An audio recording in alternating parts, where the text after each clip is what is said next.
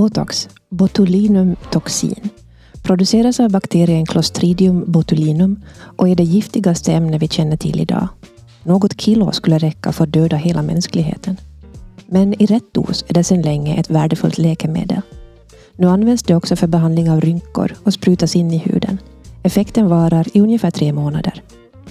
Fillers, ett volymgivande ämne baserat på hyaluronsyra som injiceras för att till exempel fylla ut runkor och ringar under ögonen, förstora läpparna, skulptera ansiktet och föryngra huden. Fillers är inte heller permanenta utan behöver fyllas på med jämna mellanrum.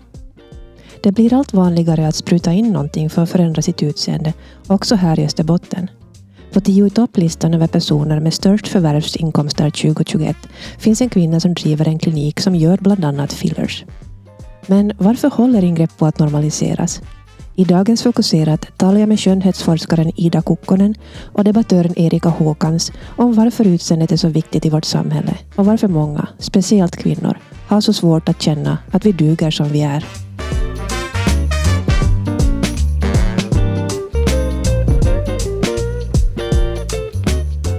No, det är klart var och en måste ju, måste ju bestämma hur de tycker att, att de vill spendera sina pengar. Det, det är säkert ganska dyra saker gissar jag. Och sen just det där att, att man ska ju upprepa den där behandlingen med jämna mellanrum.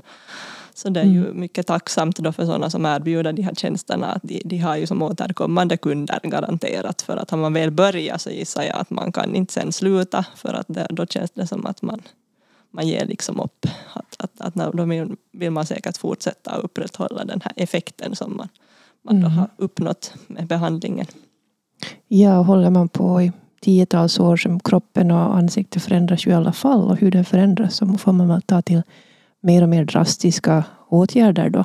Ja, no, det är väl det som är risken då sen att de rekommenderar då sen att ja men nu kanske inte det här då hjälper något mer att kanske vi ska sätta lite botox också eller ska vi operera eller vad ska vi göra som följande. Att, att just det där med sådana där kirurgiska ingrepp så tycker ju nog jag att den börjar kanske vara nog, då kan man ju nog som lite fundera att, att det där är det faktiskt värt det för att det är nog alltid risker med att, att operera, att det kan bli komplikationer.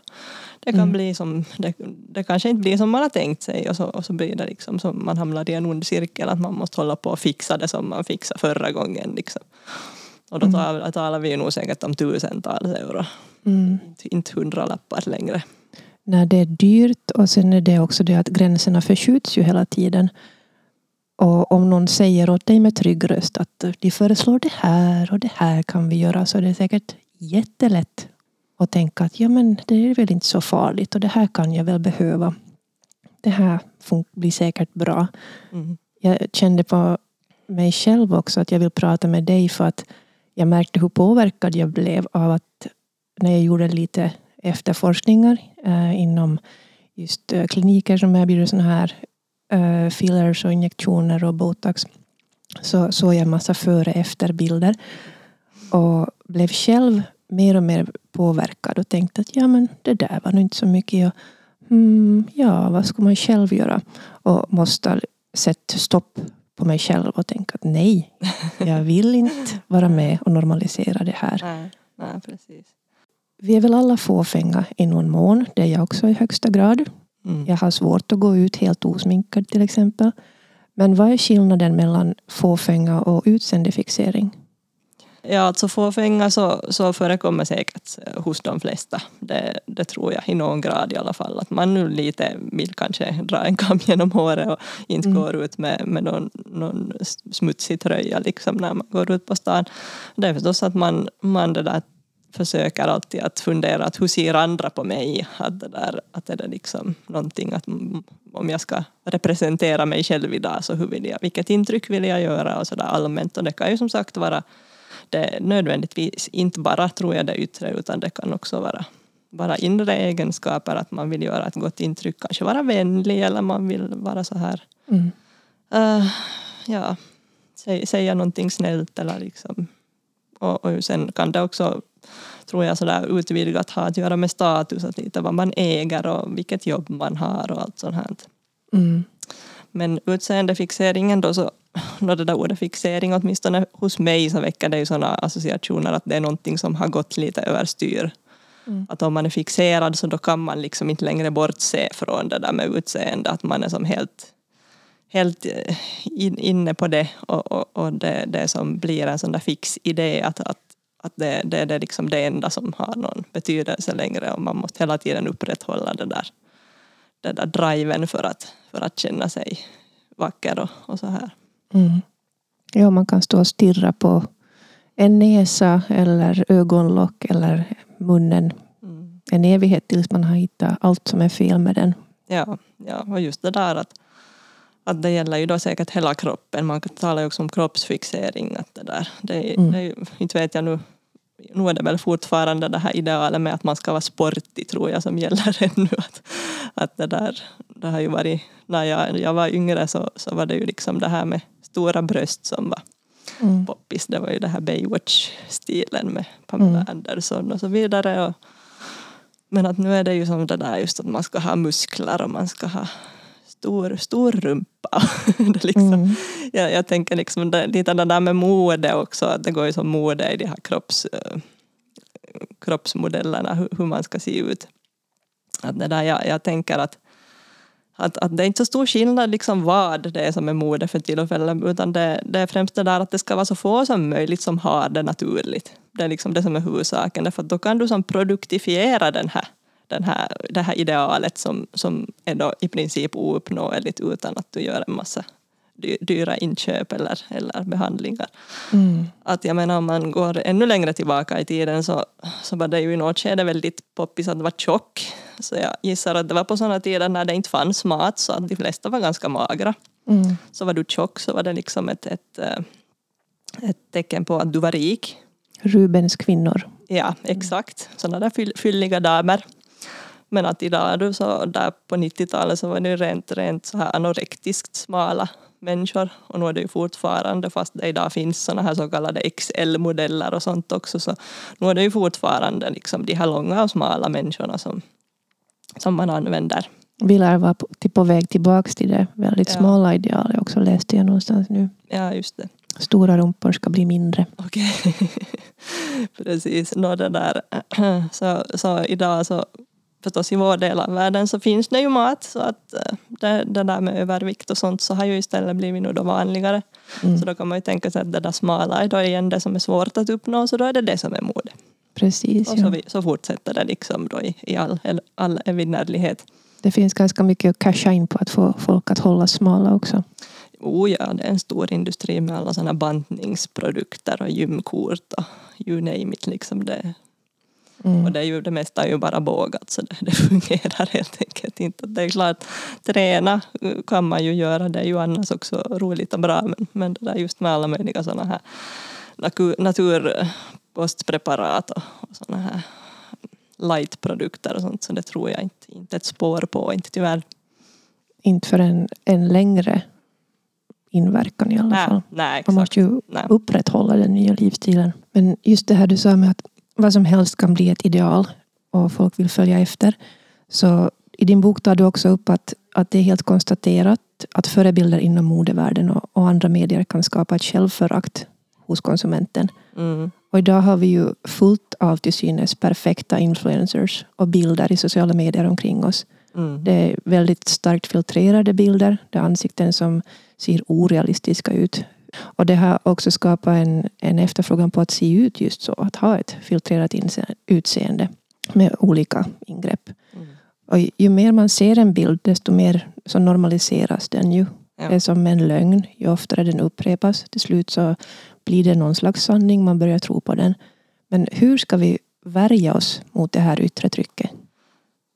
No, jag tycker ju att man i, i det här skede nog då kan nästan tala om att det är någon form av kultur, den här utseendefixeringen, det vill säga att den är liksom inbyggd i samhället.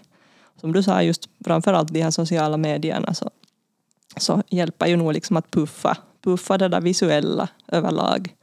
För att det är ju just bilder och videor som dominerar. Att inte, inte sitter du ju liksom på sociala medier för att läsa några långa liksom inlägg utan det är ju mest sådana här emoticons och det är liksom tummar och det är smileys och, det, och sen är det då liksom foton, foton och korta videosnuttar och det, det är liksom det är klart att människan är liksom gjord, gjord på det sättet att hon ska fokusera på det som hon ser. Därför att det har liksom varit det sinne som har varit dominerande i vår evolution till och med. Att, att liksom hur någonting luktar eller känns så det är liksom sekundärt framom det visuella. Men att just, just när man hela tiden matas liksom med de här perfekta kropparna och perfekta ansiktena så hon sätter det ju en, en viss press på en. Och det som hjälper liksom att värja en, sig mot en, en kultur så det är ju först att man måste få syn på att det är just det det är. Mm. Och sen kan man ju då liksom välja att vilja vara en del av den här kulturen eller vilja liksom gå åt andra hållet. Att, att då ofta mm. då när någonting blir för liksom dominerande och överväldigande så då, då brukar det uppstå en motrörelse förr mm. eller senare. Det ser man ju lite idag också med det här med, med klimatet till exempel för att ta någonting helt annat.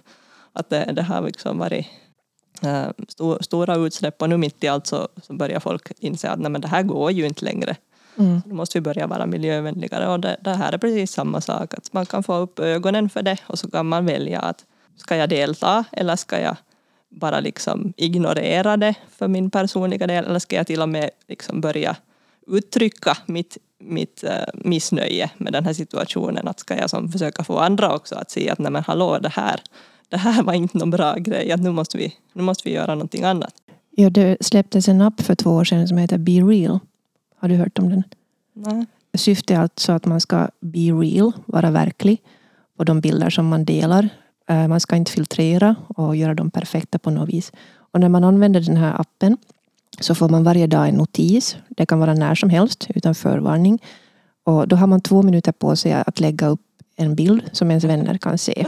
Kameran riktas både framåt och bakåt. Och där har du inte möjlighet att filtrera någonting. Den, har, den, har blivit, den släpptes alltså för två år sedan men den har blivit enormt populär 2022. Okay. Så kanske det är motreaktionen ja. du nämnde. Nå, no, åtminstone det, låter det ju som en bra början.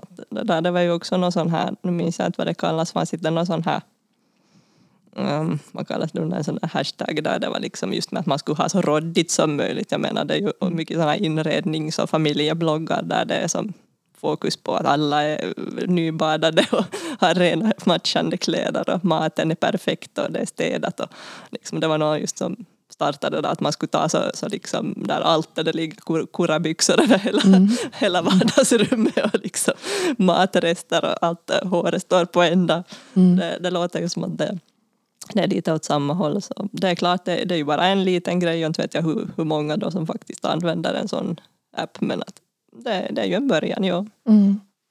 Du nämner ju olika psykologer och filosofer och, och författare i din bok också, bland annat psykologen Erik Fromm som menar att vår djupaste rädsla är att stå utanför gruppen och bli socialt isolerade. Och filosofen Iris Murdoch som definierar kärlek som detsamma som varseblivning av andra individer. Du menar att därför kan vi väldigt lätt bli beroende av gillningar, positiva kommentarer.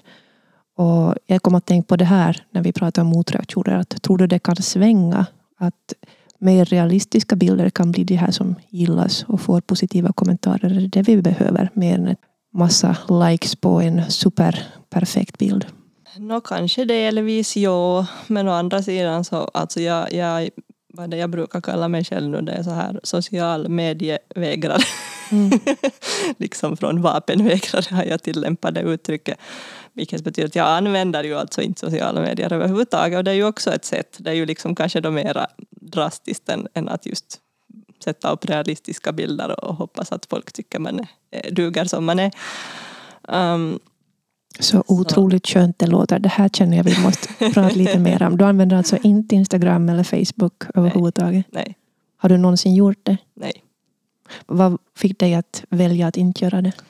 No, jag vet inte, jag hade någon sån där konstig aning liksom om att det, det är någonting som inte riktigt stämmer med, med det här hela upplägget och, och ju mera man sen har fått höra i efterskott så visade det sig att jag hade ju rätt på det sättet att, att alltså de snokar ju i ens liv helt enkelt de här stora företagen som ligger bakom de här så kallade gratistjänsterna. Mm. Alltså okej, okay, du får ju en gratis tjänst på sätt och vis men det är ju du som är produkten. Alltså det är användarna som är produkten i den här transaktionen. Det är dina uppgifter och din data som, som, som är handelsvara.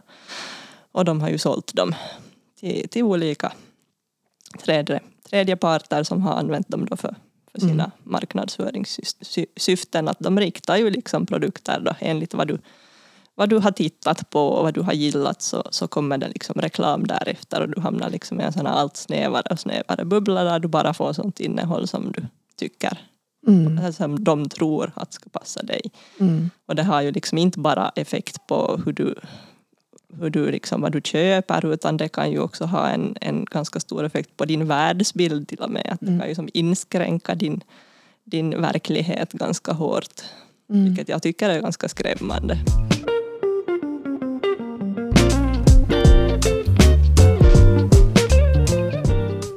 I din bok skriver du också om om kroppslig konsumtion och identitet. Mm. Och att reklamens mål är att skapa nya konsumenter som är villiga att ta till sig nya ideal. Och därför har den kritiska och granskande blicken vänts från själva varan till konsumenterna själva och får folk att känna sig otillräckliga. Ja, nej, det, det håller jag nog fast vid. Att, att det, och som, som sagt, det har nästan bara eskalerat liksom med tiden. Det där, att, det, det, ska ju vara någonting fel på oss för att vi ska konsumera. Att inte, inte går man ut och köper nya kläder om man inte tycker att de gamla är fel på något sätt. Att de, de är för gammalmodiga eller nötta eller de är inte hippa no mera för att använda ett gammalt, gammalt uttryck. Mm. Alltså de är inte in så att då, då ska det vara det senaste och det var ju något reportage här också om det här med Shein, den här billighetskedjan mm. från från Kina nu då också som har slagit sig in hos de unga och via TikTok förstod jag. Så där är ju liksom att det, det kommer massor, du bombarderas, alltså det är tiotusentals produkter per dag. Liksom mm. det är ju, mm. jag har också varit den där internetshopparen tyvärr i flera års tid. Jag, jag var helt sådär manisk med att jag skulle som varje dag skulle jag sitta och bläddra att vad hade kommit för nytt. Mm. Till mitt försvar då så är jag en sån här vintage-människa så att jag köpte ju förstås nog en hel del sådana mm. saker. Det var inte bara billig skit från Kina men, men, men det där, jag förstår att man kan låta sig dras med, det är ju den här dopaminkicken liksom av att mm. köpa. Men att det är ju det, det som tragiska är ju det att det är det där själva köpandet som är liksom beroendeframkallande. Och det är det som ger den där kicken. Att sen när du väl får den där saken på posten så kanske du inte ens vill ha den och mera kanske det bara ligger en massa oöppnade paket någonstans i en knut för att du, du mm. har bara klickat hem nästa grej redan och, och så hunnit glömma det där. Så, så det är nog just det här med att man är självkritisk så det, det har absolut en stor roll. Att jag förstår att, att ingen är väl hundra procent nöjd med sig själv. Men, men liksom jag tycker ju då att varför ska man fokusera på det som är allra svårast att åtgärda. Alltså man ser ju ut som man ser ut. Det kommer man liksom inte ifrån.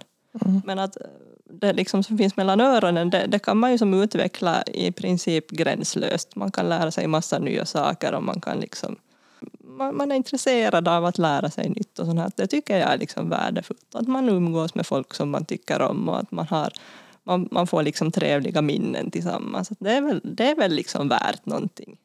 I, I min räkning i alla fall.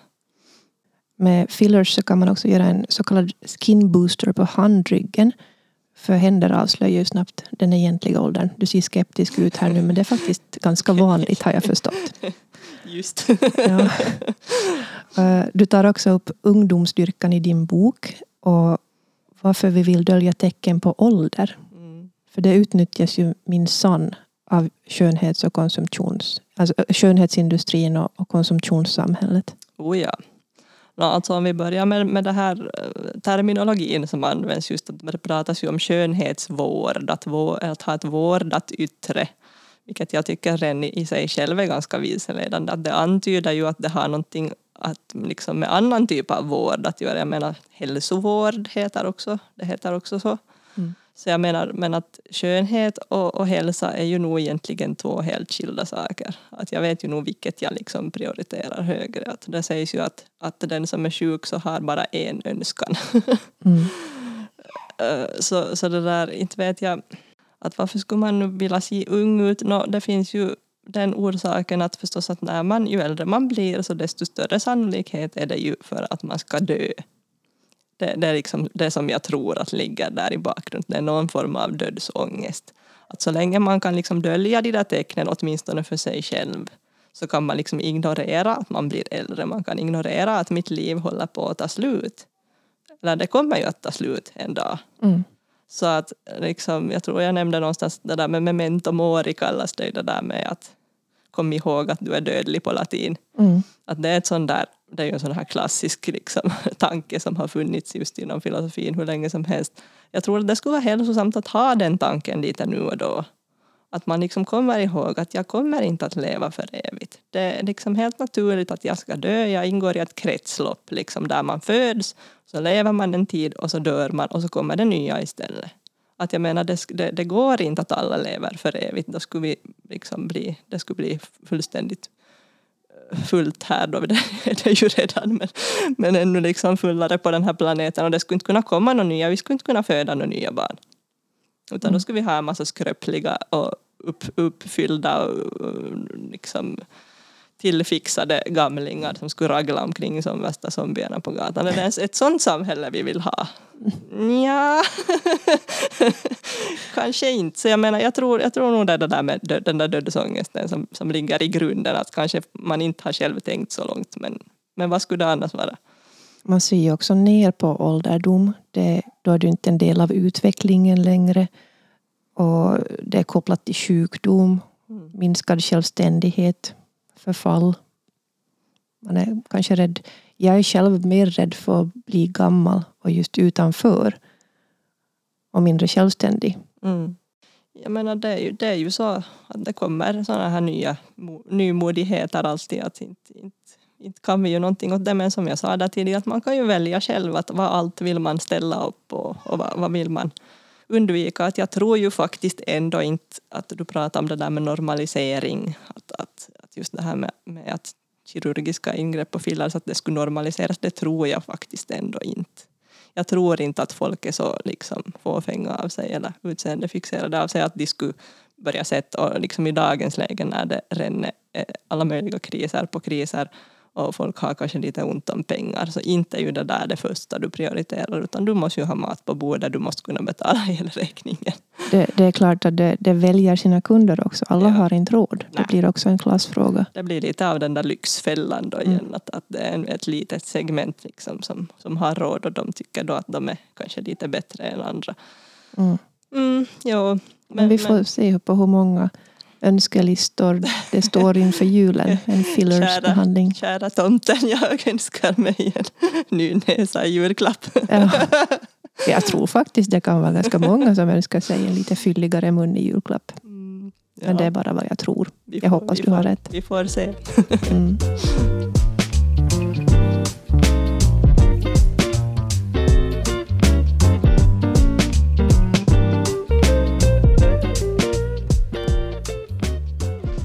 Vi har hört Erika Håkans och hennes samhällskritiska bok som vi talar om heter Lyckohjulet och kom ut 2021.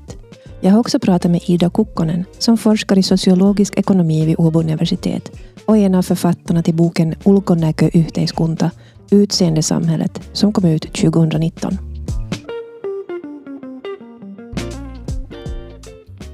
Vi tyckte inte att det fanns tillräckligt med sån här uh, diskussion om utseende i samhället. Mm. Det verkar som att det skulle vara lite tabu att tala om, om skönhet. Och då ville vi skriva en så här lite mer populär bok som är lite mer lättläst än... För ofta skriver vi forskare bara åt andra forskare liksom. Mm. Och då känner, man, då känner man att det kanske inte, det inte kanske har någon verkan. Och det här, alla har ju ett utseende så det är ett ämne som intresserar folk. Vi tycker att det är ett viktigt ämne att tala om sådär på samhällsnivå. Mm. För det, det har ju betydelse hur man ser ut. en massa betydelse. Ja, för det sociala kapitalet och, och allt möjligt. Men det pratar vi mer om senare.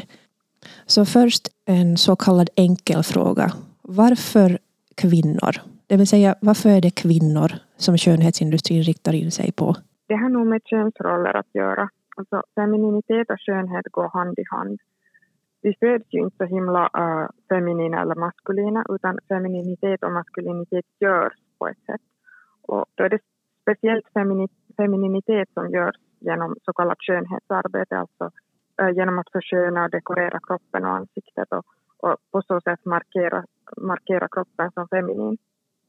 Och kvinnor förväntas vara feminina och att göra det här skönhetsarbetet det är som en del av dealen att vara en kvinna. Och på samma sätt så förväntas inte skönhetsarbete av män utan tvärtom så bryter män som jobbar på sitt utseende mot normen. Och skönhetsindustrin försöker ju hela tiden få män att konsumera på skönhet. Du vet, typ ansiktskräm uh, i mm. mörkblå burk där det står för män med mm. stora bokstäver. Men det funkar ju inte riktigt just eftersom att män förväntas vara maskulina och skönhet förknippas med femininitet. Kan man säga på något vis att det är en feministisk handling att, att satsa mycket tid och pengar på sitt utseende? No, det tycker jag nog är en ganska konstig tanke. Man tar ju knappast ner patriarkatet med smink eller botox. Och det finns nog säkert konstruktivare sätt att ifrågasätta maktrelationer i samhället än att ge sina pengar åt storföretag som frodas av att människor är missnöjda med sig själva. Men jag tycker inte, då tycker jag inte heller det är ofeministiskt att satsa mycket tid och pengar på utseende. Alltså det borde ju vara allas eget val om man vill satsa på det eller om man inte vill satsa på det. Typ som att människor väljer att satsa tid och pengar på någon viss hobby eller sådär. Det är ingenting ofeministiskt med det. Men nu är det ju så att vi kanske inte alltid väljer så fritt utan det kan vara väldigt jobbigt och svårt att till exempel som kvinna inte sminka sig eller inte raka sina ben eller armhålor. Eller då å andra sidan att sminka och raka sina ben om man är man. Mm. Och det kan ju vara lite problematiskt för, från ett feministiskt perspektiv. Att könsroller på så sätt styr vad vi ska göra med våra kroppar. Men alltså summa summarum så skulle jag inte säga att individers skönhetsarbete är särskilt feministiskt eller ofeministiskt. Hur många timmar tillbringar en kvinna framför spegeln i sitt liv? No, jag och kollegor har räknat ut att det skulle bli typ ett år sammanlagt. Men det här är ju ett väldigt, väldigt grovt estimat. Och det är baserat på en undersökning där vi frågade kvinnor att hur många minuter de i genomsnitt spenderar framför spegeln en vanlig dag. Och män i alla åldersgrupper spenderar i genomsnitt runt sådär 5 till 10 minuter per dag framför spegeln och unga närmare 10 minuter och äldre närmare 5. Men för kvinnor är det, så är det ganska stora skillnader mellan åldersgrupper. Att 15 till 18-åringar spenderar mest tid framför spegeln och det blir över 45 minuter per dag. Men sen minskar det ju då i äldre åldersgrupper. Men alltså från den här datan räknar vi ett sånt här estimat att hur mycket det skulle bli för en kvinna om man, skulle, om man räknar ihop alla timmarna vi spenderar framför spegeln. Mm. Och det skulle, jo, över ett år skulle det bli mm. Hur stor betydelse har utseendet i vårt samhälle? No, det har nog väldigt stor betydelse. Utseende är ju en väldigt stor del av vår identitet och vi spenderar mycket tid och resurser på vårt utseende. Och att se bra ut är bara viktigt i vårt samhälle. Och vi kategoriserar också andra människor baserat på utseende och vi behandlar folk olika baserat på utseende. Och på det sättet så förstärker utseende social och ekonomisk ojämlikhet som redan finns i samhället. Och man kan kanske till och med säga att utseende inte bara förstärker men också orsakar ojämlikhet. Vilka fördelar har man då av att uppfylla vissa eh, kriterier och se bra ut enligt rådande normer? No, det finns en massa forskning som visar att såna snygga eller attraktiva människor har lättare att hitta romantiska eller sexuella partner, det har lättare att få vänner, det har lättare att hitta jobb, det tjänar mer och överhuvudtaget så brukar det nå högre socialekonomiska positioner i samhället. Och människor också röstar på attraktiva människor i politiska val. Eh, attraktiva människor får lättare straff för brott och människor litar mer på vad snygga vittnen säger och då på samma sätt så har oattraktiva människor svårare att hitta partners och få vänner, få jobb, få högre lön och högre positioner i samhället och så vidare. Och det här har ju då att göra med att vi diskriminerar människor baserat på utseende, alltså behandlar människor annorlunda på grund av utseende. Och vi associerar ibland medvetet, ibland undermedvetet skönhet med sådana positiva egenskaper och karaktärsdrag och då fulhet med negativa egenskaper och karaktärsdrag och stereotyper. I en undersökning som vi gjorde i Finland så frågade vi människor om deras erfarenheter om hur utseende har påverkat deras liv. Uh, antingen påverka positivt eller negativt eller både positivt och negativt. Och ungefär då tre fjärdedelar hade någon sorts erfarenhet av att utseende haft en verkan på att hitta en partner. Över hälften sa att det har haft en verkan på att hitta vänner. Och ungefär 40 procent sa att uh, det har påverk, utseende har påverkat uh, hur de har hittat jobb. Och någonstans runt 20 procent sa att det har haft en påverkan på deras lön. Mm. Så det är ganska stora fördelar och ganska stora nackdelar som vi talar om. Alltså det är ju brutalt om man också får lättare straff för att man ser ut på ett visst sätt. Jo, Och det här gäller alltså Finland. nej, det här finns ingen forskning om det i Finland Nej. vitt jag vet. Men det här är, jag tror, mest från Amerika, de, de, de här studierna, där man har forskat mest. Ja. Ja. Ja, en sak jag ville tillägga nu att, som är viktig, tycker jag, att minnas när vi talar om uh, utseende och ojämlikhet är att vi tänker ju sådär ofta att det är just kvinnor som skulle ha jättemycket fördelar och nackdelar av sitt utseende.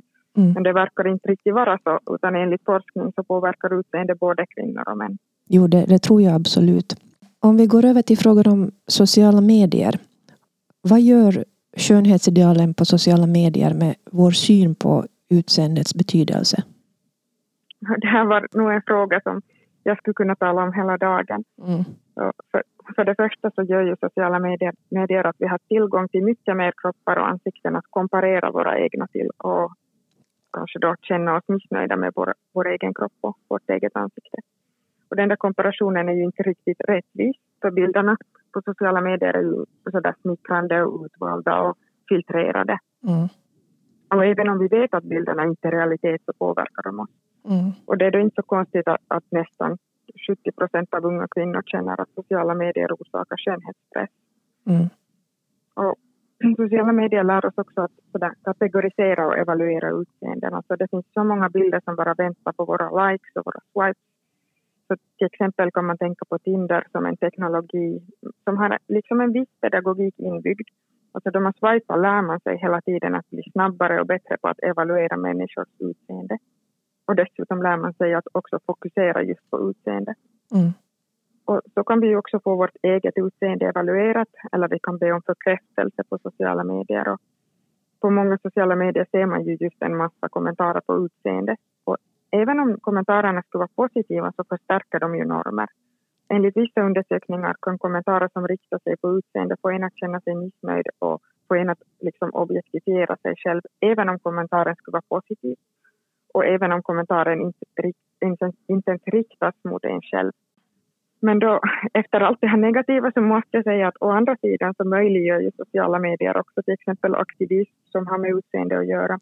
Till exempel fat activism och Mm. body positivity-rörelserna har ju blivit ganska sådär synliga just på sociala medier. Mm.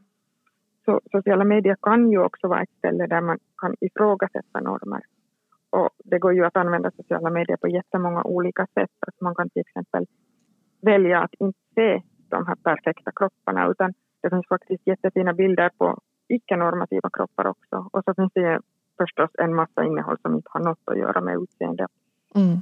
Till exempel jag själv följer, alltså jag har Instagram men jag följer enbart innehåll som jag är intresserad av. Så jag ser typ bara bilder på växter och mat. Mm. Så det blir inte så mycket skönhetspress för mig från Instagram. Mm. Det har nu ganska mycket uppmärksammats. Sanna Marins Instagramkonto.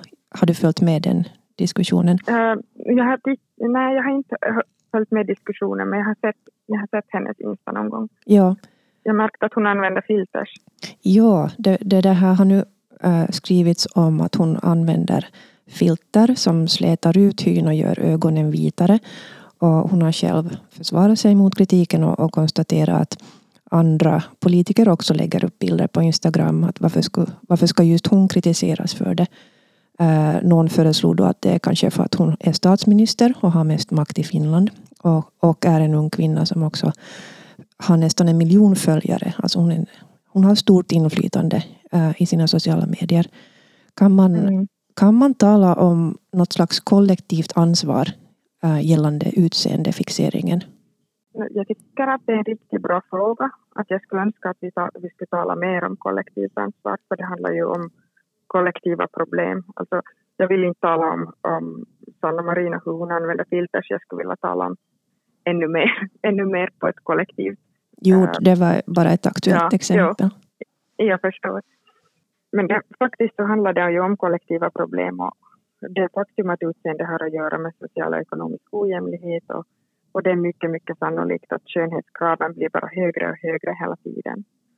Och för en individ uh, så kan det ju verka riktigt nyttigt eller till och med rationellt att bearbeta sitt utseende och, och kanske just att använda filter så, och på så sätt sträva efter bekräftelse och status och olika sociala och ekonomiska fördelar.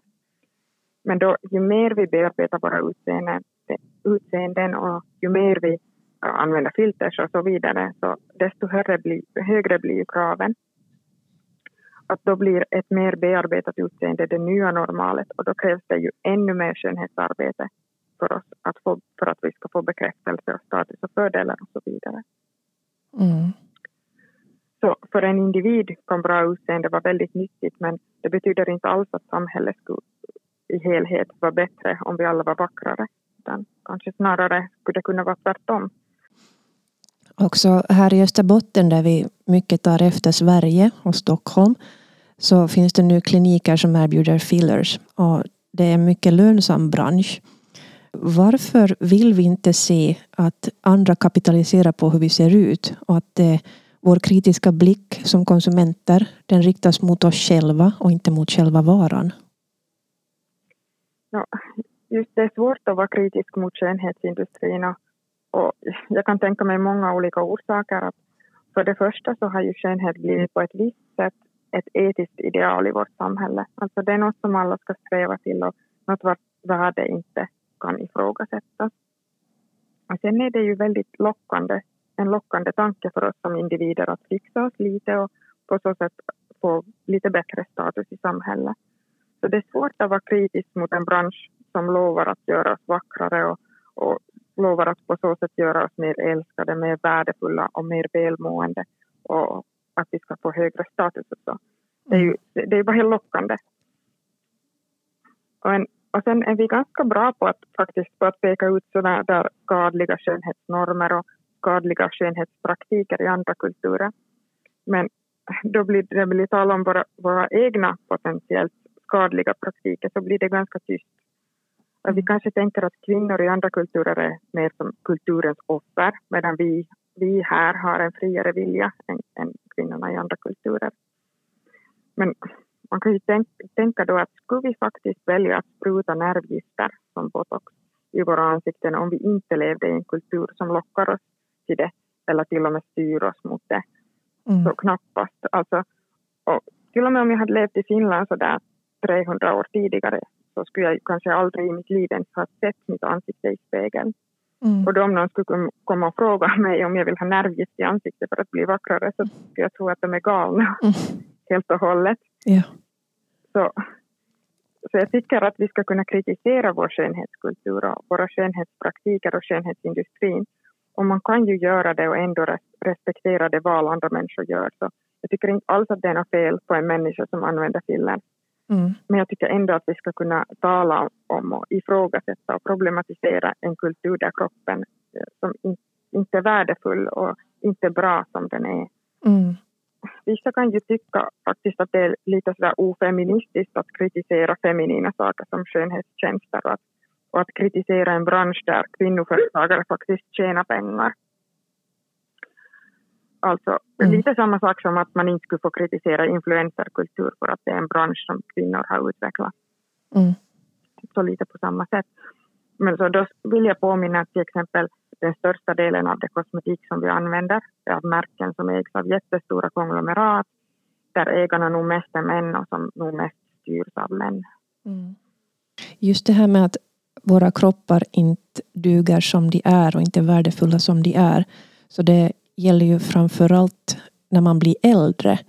Och fillers och botox görs ju för att, att fylla ut, ta bort rynkor, släta till både händer och dekolletage och ansikte. Vad är det som gör att vi är rädda för att åldras så det syns? Vårt, vårt skönhetsideal helt enkelt. Att vårt skönhetsideal är jätteungt. Alltså det är nästan sjukt hur vårt samhälle idealiserar unghet. Speciellt för kvinnor, kvinnors synhet. Och eftersom det är just liksom kvinnor som förväntas vara vackra så är det svårare faktiskt att åldras för kvinnor. Att Susan Sontag äh, skrev redan någon gång på 70-talet att vi har en sån här dubbelstandard då, det gäller åldrande. män får åldras men kvinnor får inte åldras. Och Sontag menar då att det beror på att kvinnor uppskattas beroende på hur det ser ut medan män äh, uppskattas beroende på vad de gör. Och, och hon menar att det finns olika sätt att vara en man men för en kvinna så finns det bara typ ett legitimt sätt och det är att vara ung och snygg, att vara typ en tjej. Enligt undersökningar som jag har gjort med kollegor är det faktiskt kvinnor kring 30 års ålder som är allra mest oroliga för hur åldrande påverkar deras utseende. Och det är väl just den åldern då man inte längre räknas som tjej. Mm. Men, men då så är allra oroligast för att, för att åldras synligt så där i 60-årsåldern. Men män i 60-årsåldern är ändå inte lika oroliga för att åldras synligt än de yngsta av kvinnorna, typ 15 till 25-åringar.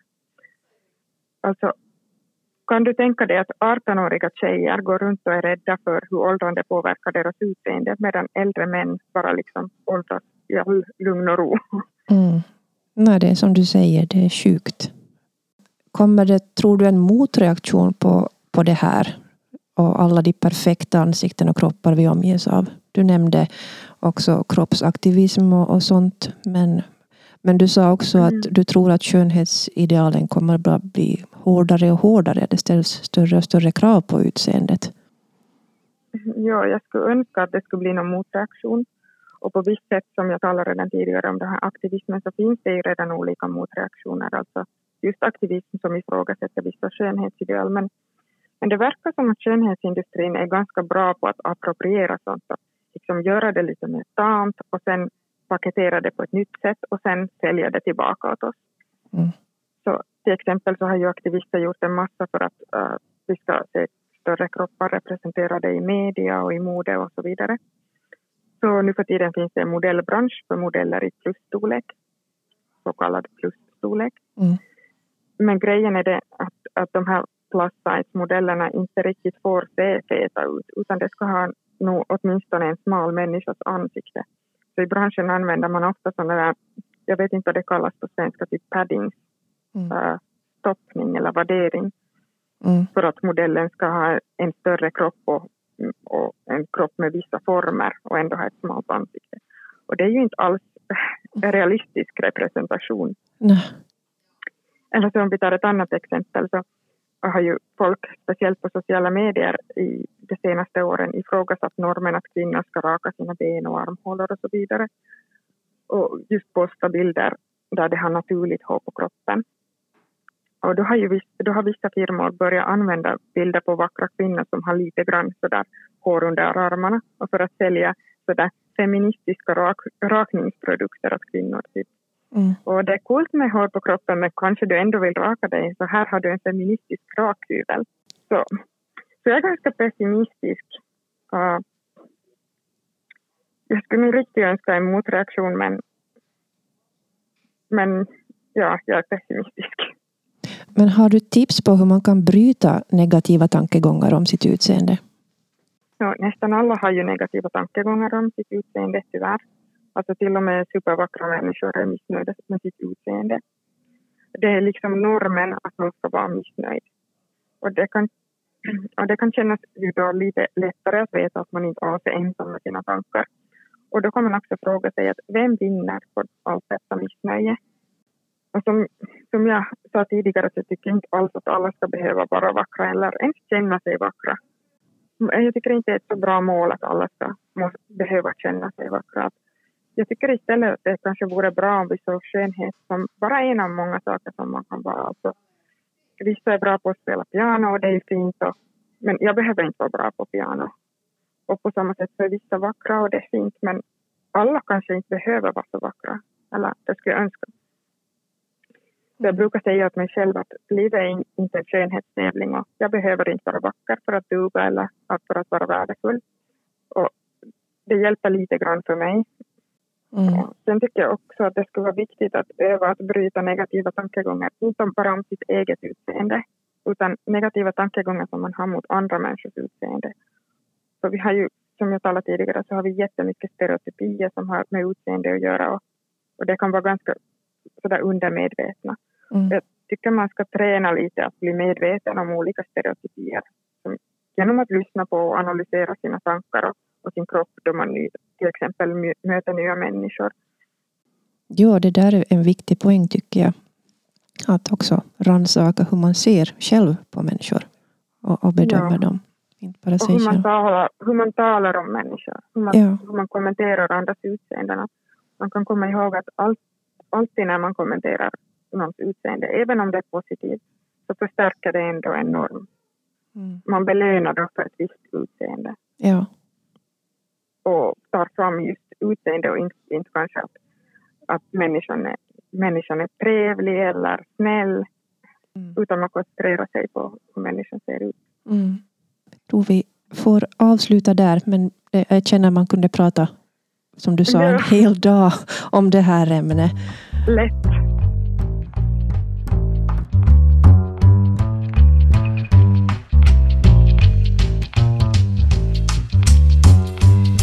När man renoverar ett rum känns resten av huset ofta tjaskigt.